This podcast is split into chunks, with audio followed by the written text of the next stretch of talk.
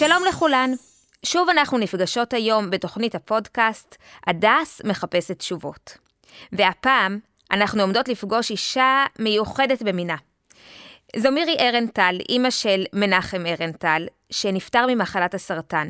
בעקבות זאת היא הקימה יחד עם בעלה את ארגון זיכרון מנחם. אבל למעשה כיום מירי היא כבר לא רק אימא של מנחם, אלא של עוד הרבה מאוד ילדים חולים, וגם אחיהם. הם מגיעים לזיכרון מנחם ומלווים על ידי הארגון המדהים הזה. אז בואו נשמע קצת מאחורי הקלעים של הסיפורים שלה. שלום מירי. בוקר טוב. שלום, שלום, שלום וברכה. אה, אני מאוד שמחה שאנחנו מדברות איתך, כי אני חושבת שהשם שלך הוא מאוד מוכר, ותמיד אנשים מעניין אותם לשמוע מה עומד באמת מאחורי הסיפורים של הארגון שלכם. אז, אה, אז בואי, בואי תקחי אותנו באמת אחורה. לפני כמה שנים מנחם היה חולה? בואי תספרי לנו על אותה תקופה, על אותם ימים. אה, בימים ההם, בזמן הזה, חלפו כבר 46 שנה. אה, מנחם היה אמור להיות היום בן 47, אה, זוג צעיר, רק התחלנו את החיים ונולד אחרי שנה בן בכור, ואחרי שנה, כשמנחם היה בן שנה, הוא חלה בסרטן הדם בלאוקמיה. ברור שלזוג צעיר שבקושי התחלנו את החיים זה זה שוק, זה פתאום עכשיו, פתאום היום החיים כמעט נעצרים, ואנחנו חוזרים הרבה שנים אחורנית, שלא היה את המושגים ואת הידע ואת כל מה שיש היום. היה הס מלהזכיר את המילה סרטן, זה לא היה דבר שהוא היה אפשר uh, בכלל להוציא מהפה. כל אחד בצורה שלו, אם זה היה המחלה ההיא, ואם זה היה המחלה, או דיאנה מחלה ביידיש, או אללה איסטור בשפה אחרת. אבל uh, זה היה משהו שבאמת באמת אנשים uh, לא דיברו על זה וגם למעשה לא כל כך ידעו כי, כי באמת לא היה מידע, באמת לא. Uh, לצערי הרב החיים השתנו והיום יש הרבה מידע ויש גם הרבה הרבה הרבה חולים. אבל יש גם הרבה מחלימים. כן. בזמננו הטיפולים היו שונים לחלוטין. ו... אה, לא היו אגרסיביים כל היום, ככה שהמחלה, אה, הסרטן יכל לחזור על עצמו אה, שוב ושוב. מנחם חלה חמש פעמים לסירוגין. רגע, הפעם הראשונה, רק שאני אבין, הפעם הראשונה הייתה כשהוא היה בעצם תינוק. הוא היה תינוק בן שנה, כן. הוא היה תינוק בן שנה. תינוק בן שנה. המחלה הלכה וחזרה לסירוגין, כשהיה לו אה, רמיסיה זה אומר חזרה של המחלה, אה, נסיגה של המחלה, ורילפס זה חזרה של המחלה, אז זה חזר על עצמו חמש פעמים, שלאחר הפעם הרביעית אנחנו הסכמנו, לא מלכתחילה, ממש בדיעבד, כשלא נתנו לנו כבר שום סיכוי אליו, אז אה, הסכמנו ללכת לכיוון של השתלת מח עצם. כשעשינו סיווג רקמות של כל הילדים שלנו והבן השלישי שלנו, צביקי הוא זה שהתאים לו במאת האחוזים. בן כמה הוא היה אז צביקי? צביקי היה בן שבע, שמונה, הוא היה ילד קטן. וואו. והוא זה שהתאים למנחם. לכאורה היה נראה שהשתל נקלט מעולה, מצוין, אבל מהר מאוד הבנו שהמחלה חזרה בפעם החמישית. ואז ידענו שזה גזר דין מוות. אה, כי הוא קיבל את כל ה... את המקסימום של ההקרנות, הוא קיבל את המקסימום של הכימותרפיה, ויותר לא היה להם מה להציע לנו. וידענו שזה גזר דין מוות, אם לא היום, מחר, אם לא מחר, מחרתיים. ישבנו וחיכינו. וזה קרה. את אומרת, ישבנו וחיכינו, אבל אני מנסה ככה להבין, בעצם מנחם עצמו, הוא היה ילד, הוא היה מודע למה שעובר עליו, מה מסבירים לילד בכזה מצב? אז מנחם היה מגיל אפס, מי שהקיף אותו זה היה מבוגרים. הוא בכלל לא היה ילד, אף פעם הוא לא היה ילד. הוא הפך מהר מאוד להיות ענק. לא גדול, אלא ענק. מי שהקיף אותו זה צוות רפואי, אחיות, רופאים, אה, אה, כל מיני טרפיסטים למיניהם. משפחה, חברים שעטפו אותו עם המון אהבה ועם המון יחס ותשומת לב, ו... והוא חי בין גדולים, הוא לא היה ילד בכלל, הוא הבין הכל. הקושי שלי תמיד היה לספר לו כשהמחלה חוזרת שוב. איך הוא עובר את זה, איך הוא מתחיל מאלף, הרי בעצם הוא חזר, מתחיל כאילו לחזור לשגרה, ופתאום הכל חוזר מההתחלה, שוב בית חולים, שוב בידודים, שוב אה, אה, כאב, חרדות, פחדים וכולי, וכל מה שמקיף את זה. אה, זה לא היה קל בכלל. לי, הקטע הכי קשה היה תמיד, זה לספר לו מחדש שהוא חולה שוב. אה, אז כמו שאמרתי, אחרי הפעם החמישית, הרביעית, כשלא היה לנו ברירה ולא היה לנו מה להפסיד, או היה עשרה אחוז של אה, אולי, אולי הוא יצא מזה, אבל האמנו תמיד, תמיד היה לנו אמונה מאוד מאוד חזקה, וזה מה שהחזיק אותנו. וחונכתי להרבה הרבה הרבה להאמין ולהבין שמה שהקדוש ברוך הוא עושה, הוא עושה לטובה, ושאין עוד מלבדו, ושהכל נהיה בדברו. ואני חייבת להגיד שבחיים לא ערערתי, בחיים לא שאלתי למה דווקא אני. אבל הכי מעניין וגם מנחם לא שאל. מנחם אף פעם לא שאל למה שוב אני, הוא לא התלונן, הוא לא... הוא, הוא, הוא קיבל את הדברים, אם כי זה היה לו מאוד קשה, אבל הוא קיבל את הדברים. ואני חושבת שזה דבר אה, אה, נורא עצוב מה שאני הולכת לספר עכשיו. כשאת שאלת אם מנחם אה, הבין, והוא מאוד הבין. בגיל אה, 15 וחצי, זה היה שבוע לפני שהוא נפטר, הוא ניגש לאחד הרופאים שטיפל בו, והוא אמר לו, אני מבקש שתפסיק לטפל בי. אני רואה שאתם לא יכולים לעזור לי יותר. אני מקבל דם, והדם אה, נעלם. אה, אה, הוא שוב צריך לקבל. אני מקבל טרומבוציטים, זה תעשיות דם, וגם הם אה, נעלמים, הם אה, נהרסים. זה אומר שאני לא יכול להיות בריא יותר. ואני מבקש שתיתנו לי למות בכבוד. זה דברים של ילד בן 15 וואו. וחצי. מה זה עושה לך כאימא שאת שומעת את זה? אה, למעשה, הוא לא דיבר אלינו, הוא דיבר לרופא, והרופא מאחורי הקלעים, בשקט בשקט, הגיע לבעלי, בעלי עדיין, אני עדיין לא יודעת מזה, והוא מספר לו שמנחם רוצה למות. שיפסיקו לתת לו אה, טיפולים. ילד בן 15 וחצי. ואז מנח, חיים אמר לו, חיים זה החצי השני שלי, וחיים אמר לו שעכשיו אנחנו עוד שבוע פסח, ואנחנו נחכה בסבלנות אולי, נלך לרבנים ונשאל, נתייעץ, ונראה מה, מה אפשר לעשות. אז תחכה בסבלנות עוד קצת. אה, מהרגע שמנחם החליט והרים ידיים, הרי הוא נלחם כמו פנתר כל הזמן. ברגע שהוא החליט שהוא לא רוצה לחיות יותר, זה לקח שישה ימים. מנחם נפטר בערב פסח. זה לא היה קל, ממש לא קל. אה, אני, היה לנו הרבה אומץ, ואנחנו ילדנו עוד חמישה ילדים בלי עין רעה, בתקופה שמנחם היה חולי.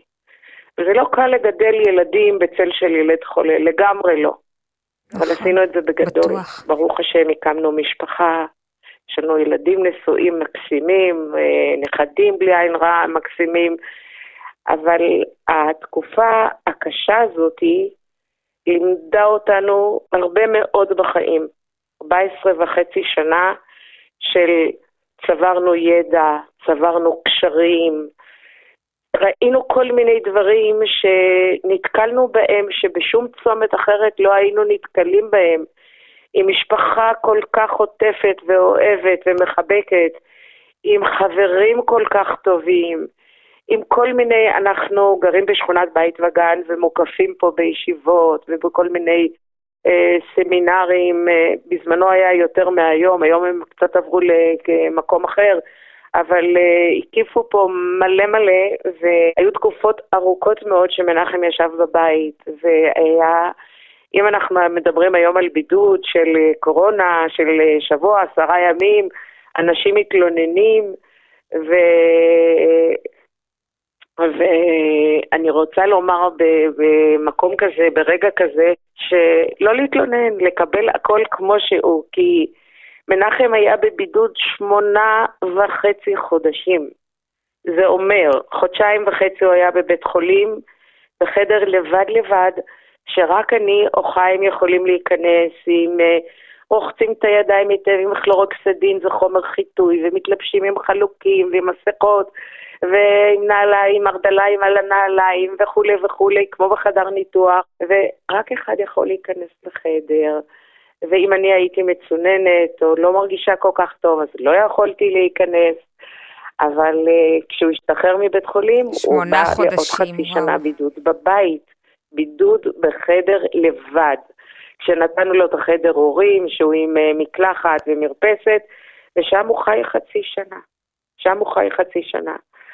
אז uh, אני חוזרת לכל האלה שהקיפו אותנו פה uh, בישיבות. אני אגיד, אני אגיד לך את האמת, אני אומרת לך את האמת שאת מספרת את הדברים האלה, ואני לא יכולה שלא לחשוב דווקא עלייך בכל הסיפור הזה, כאימא. זה הרי, הלב, הלב יוצא, אין כאן, אבל... החוסר אונים הזה בטח... אה, לגמרי, לגמרי. אני הפסקתי לעבוד, עבדתי, ב... הייתי גם גרפיקאית וגם הוראה לספורט וריתמיקה. עבדתי, הייתי, עבדתי מאוד קשה, 42 שעות שבועיות, זה כמעט שתי משרות, והפסקתי הכל, ו-24-7, הקפתי אותו, הייתי סביבו. ו- וגם השתדלתי מאוד להיות אימא לשאר הילדים, ועשיתי את זה בגדול. בדיוק, כן. אה, ו... עכשיו, ציינת את אלה שבאו מהישיבות, פשוט אני מחזירה אותך רגע לנקודה כן. הזאת. לא הבנתי. אני אומרת שהזכרת את אלה, ש... כן. את הבני ישיבות שהיו בשכונה, בהקשר של הבידוד, אז איך הם מתקשרים לנושא או, הזה? וואו, אה, זה מחזיר אותי אחורנית, ואני רוצה להגיד ש... זה היה קטע שבאמת באמת החזיק אותנו חזק מאוד. מנחם היה, בוא נגיד, כשהוא היה בן 15, אה, זה בסוף החיים, אז החברים שלו היו מגיל 20 עד 25. לא היה לו מה לדבר עם הילדים הצעירים, כי הם לא היו ברמה שלו ולא בראש שלו, אבל אני חוזרת גם הרבה שנים קודם, שהם הגיעו אלינו והם הגיעו לבית חולים, הם הלכו לשבתות ברגל שזה מבית פגן להדסה, לוקח אה, שעה הליכה, ואם זה היה בימי חול, ואם זה היה בשלגים, ואם זה היה בחמסים, בכל מצב, הם היו מגיעים לבית חולים. ואי אפשר לתאר. אני לא חושבת שאיזה בית חולים בעולם יעבור או עבר את אה, מה שהיה כשמנחם שלנו היה. זה כל אלה שהיו שם, אם זה צוות רפואי ואם זה אנשים שהיה להם ילדים חולים, הם לא, אף אחד לא ישכח את התקופות האלה, שהחבר'ה שלנו היו מגיעים, החבר'ה של ישיבת עטרת ישראל, הם היו מגיעים לבקר את uh, מנחם, ומנחם מאוד אהב מוזיקה, והם היו מאחורי, הח... מאחורי הדלת. היה חלון שקוף, עם... שיכלו לראות אותו, חלון ענק, גדול, הוא ראה את כולם, והם רקדו בשלשות, בזוגות, בלצאת ולהיכנס בין השערים ובמעגלים, וכל המחלקה הגיעה, כל הילדים יצאו מהחדרים עם האינפוזיות, והגיעו לחדר בידוד של מנחם, אבל גם כשהוא לא היה בבידוד. Uh, הביקורים וה... וה... אותו, גם החברים שלנו שתמכו והגיעו בלי סוף, וגם המשפחה שהקיפה מסביב. אני חושבת שכל הדברים האלה, הלוואי והיום אנשים אה, יעשו את מה שעשו אצלנו, כי התמיכה והסחת הדעת, אין שני לה. אין שני לה. זה, זה מה שנותן את הכוח. זה מה שנותן לך את ה... לעבור את הדברים הכי קשים, זה הסחת הדעת. ברגע שלא חושבים על הקושי ועל הכאב, על החרדות ועל כל מה שהוא עובר, הוא לפני טיפול, הוא אחרי טיפול, יש לו תופעות לוואי קשות, וכשאנשים מסיחים את דעתו, אני חושבת שזה דבר מאוד מאוד גדול. וואי, מרגש ממש. אני מאוד מקווה שמה שאני עכשיו אומרת, שאנשים ילמדו מזה וידעו מה זה נקרא מצוות ביקור חולים. זה לשמה, זה אמיתי, זה ממש לוקח כל כך הרבה מהחולי ומהמחלה. ו... אני חושבת שאצלנו עשו את זה בגדול. וואי, באמת מרגש. מירי, תרשי לי לנחש שאז אה, נזרעו השתילים הראשונים בעצם להקמה של זיכרון מנחם, של העמותה. אמ, אחרי הפטירה של מנחם, הכאב שלי, החסך, היה מאוד חזק. 24-7 מסביבו, ופתאום הכל נגוז, הכל נעלם, ולא יחזור יותר. והגעגועים היו עזים, והכאב, החלל שנוצר, והכאב לב, הכל היה מאוד חזק. אה, הייתי מאוד מנותקת, ולא עניין אותי כלום. נכון, יש עוד חמישה ילדים בבית בלי עין רעה, ונתחיל לשקם את הבית, אבל החסר הזה היה נורא. חיים, אה, הוא החליט שאני חייבת להיות עסוקה. כמו שדיברנו לפני כמה דקות, הסחת הדעת, זה גם אליי. ברגע שאני אהיה עסוקה ואסיח את דעתי, אולי, אולי, יהיו שעות יותר קלות, לא כל כך קשות.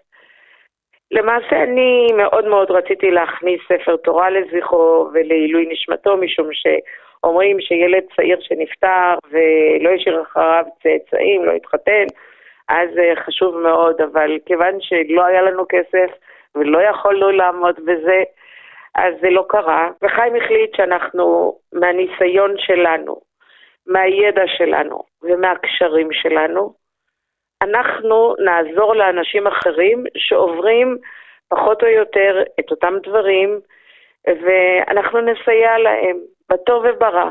אם הם עוברים כל מיני טיפים, כל מיני דברים טובים שעברנו, שכדאי ש... שהם יוכלו גם ליהנות מזה, או ההפך. אם עברנו דברים קשים, אז נציע להם ש... שלא יגיעו למקומות האלה. ואני חושבת שזה כל כך נכון, רבותינו זיכרונם לברכה אמרו, אין חכם כבעל הניסיון. והניסיון שלנו הביא אותנו למקום הזה לתת ולתת ולא להתעייף ולהמשיך לתת, כי באמת יש לנו הרבה הרבה מה.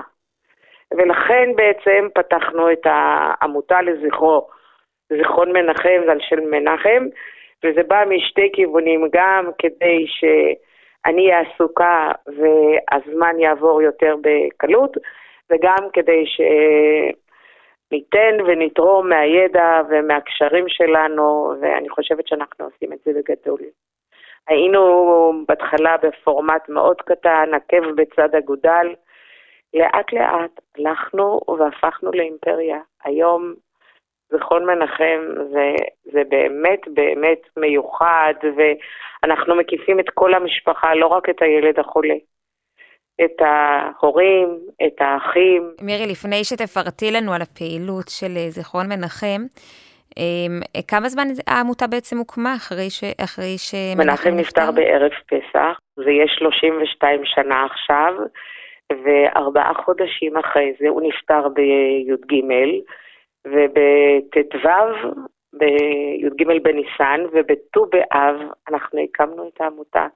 זה ארבעה חודשים אחרי כן. אנחנו לא שקענו. מהר מאוד. אנחנו, מהקושי הזה, אנחנו רק צמחנו, ואני חושבת שזה באמת אה, חשוב מאוד לא להרכין ראש, אלא לקום, להתרומם ולעשות משהו עם עצמך, לתת. אני יודעת שהפעילות של זיכרון מנחם היא נרחבת מאוד מאוד ונוגעת בהמון תחומים. את בטח לא תוכלי לפרט לנו הכל, אבל בואי ככה תתני לנו טעימה קטנה ממה שאתם עושים. המרכז שלנו בירושלים, יש לנו סניפים בחיפה, בצפון, במרכז הארץ ובדרום, בכל בתי החולים המרכזיים הגדולים. אה, יש לנו אה, בנות שירות לאומי, שהן אה, באות לשנה ונותנות מ, עם המון המון מוטיבציה ורצון להעביר את השעות הקשות לילדים החולים בצורה הכי קלה שיכולה להיות כדי שיעברו את זה יותר בקלות. אה, יש להם גם קשר מאוד מאוד טוב עם ההורים, ככה שההורים נותנים בהם אמון ויכולים ליהנות מהשירותים שלהם, ואפילו להשתחרר לשעות הביתה או לצאת לכל מיני מקומות, כי הבנות שלנו הן מאוד מאוד אחראיות, הן מקבלות הרבה מאוד הדרכה, אנחנו לא זורקות אותן למים. קבלות הדרכה והכוונה וסדנאות וליווי פסיכולוגי, ככה שהן באמת באמת אה, מוקפות ויודעות ואפשר לסמוך עליהן בגדול. אז דיברנו על בנות שירות לאומי. יש לנו אה, אה, פרויקט מאוד מאוד גדול, שאני לא ארחיב את הדיבור, אבל זה פרויקט ענק של אלפי מתנדבים שהם תורמים טרומבוציטים, זה תעשיות דם וגם גרנולוציטים. דם, תעשיות דם וגם גרנולוציטים. זה אומר המרכיב שמקריש את הדם זה הטרומבוציטים, המרכיב שנלחם בזיהומים זה הגרנולוציטים, ויש לנו שבע, שמונה ישיבות שהן מחוברות אלינו, ויש איזה רכז של, הקבוצה, של הישיבה, ואנחנו יום יום שולחים אה, בכל הארץ, אנחנו שולחים אה, תורמים של הדם ומרכיבי דם, שזה ממש ממש הצלת נפשות. זה פרויקט ענק של אלפי מתנדבים. יש לנו, כל, יש לנו את המרכז יום, בית חלומותיי בירושלים, זה מרכז אה, יחידי מסוגו בארץ, מאוד מיוחד. מזמינה את כולם לבוא לראות, זה לא עוד משהו, זה משהו באמת מיוחד, שלשם מגיעים שני סוגי אה, ילדים. בבוקר יש לנו שם אה, גן אה, מוגן טיפולי, אה, זה גן שיקומי, שהוא נותן אה, את כל המענה לילדים שהם לא יכולים ללכת לגן משום שאין להם אה, מערכת חיסונית תקינה והם לא יכולים להיחשף. ילדים בגן, ילדים רגילים, נושאים כל מיני נגיפים. והילדים נחשפים לנגיפים כי המערכת אה, היא חלשה. אז הם אה, לא יכולים ללכת והם באים אלינו, יש להם גן מדהים, מיוחד, עם אה, כל מיני תרפיות למיניהם, ו... ובאמת מאוד מאוד מיוחד. השבוע חנכנו חדר נינג'ה, משהו חדש מאוד, זה היה מאוד מרגש, מאוד מאוד מרגש. הילדים, אה, זה סוג של כל מיני ספורט, אבל גם יש שם טרפיסטית שהיא מלמדת את הילדים שיש להם כל מיני תופעות לוואי וקשיים אחרי טיפולים מסוימים ואחרי תרופות שמקבלים, אז השרירים שלהם נחלשים, ויש הרבה ילדים שמספיקים ללכת הולכים בקושי או בצורה... אה, אה, אה, אני זוכרת שמנחם צלה, כן, הוא בקושי סחב את עצמו, אבל יש את זה גם היום, והילדים מקבלים שם תרפיות ופיזיותרפיה, וזה גן מדהים, מדהים, והחדר הזה זה חדר נינג'ה, זה עם, עם אין ספור אפשרויות שהילדים יכולים להתקדם. אה, יש שם, אני אתן לך דוגמה, הייתה, יש איזו ילדה שהיא כמעט שלוש, והיא לא, היא בעגלה, לא יכולה ללכת עם גידול בראש, עם פנס ענק בראש מהניתוח, והיא נכנסה לחדר הזה, והפיזיותרפיסטית מלמדת אותה ללכת, וקצת עם הליכון, והיא מאוד מתקשה. ואז נכנס ילד קצת יותר גדול ממנה, אולי בן ארבע, ואומר לה, גם אני לא יכולתי ללכת. אני התאמצתי כל כך, כי כל כך רציתי, ועכשיו אני הולך אפילו בלי הליכון. וזה היה כל כך מרגש. וואי, וואי. תרמה את החדר הזה אישה יוכי מאיר, שהייתה בבית אבות ב... פה בירושלים, והיא עשתה את זה לזכר בעלה, שהוא היה עורך דין, והוא נפטר לפני ארבע שנים. יוכי הגיעה אלינו עם, עם איזה מישהו מלווה, והיא אמרה שאין לה ילדים, היא ערירית, והיא מאוד רוצה לתרום, היא אוהבת ילדים, והיא רוצה לתרום למקום הזה, ומה אנחנו צריכים. אנחנו הצענו לה את החדר נינג'ה, והיא תרמה סכום נכבד, ופתחנו אותו כבר, אבל הפתיחה הרשמית, גזירת הסרט והחניכה של המקום, זה היה אמור להיות ביום שלישי השבוע.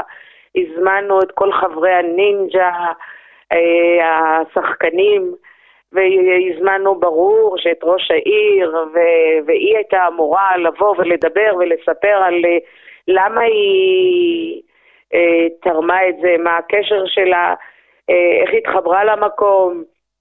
היא לא הייתה קשורה אלינו קודם, רק היא אוהבת ילדים ורצתה לתרום לעילוי נשמת בעלה, וביום שלישי הזמנו את כולם, ויומיים קודם היא נפטרה.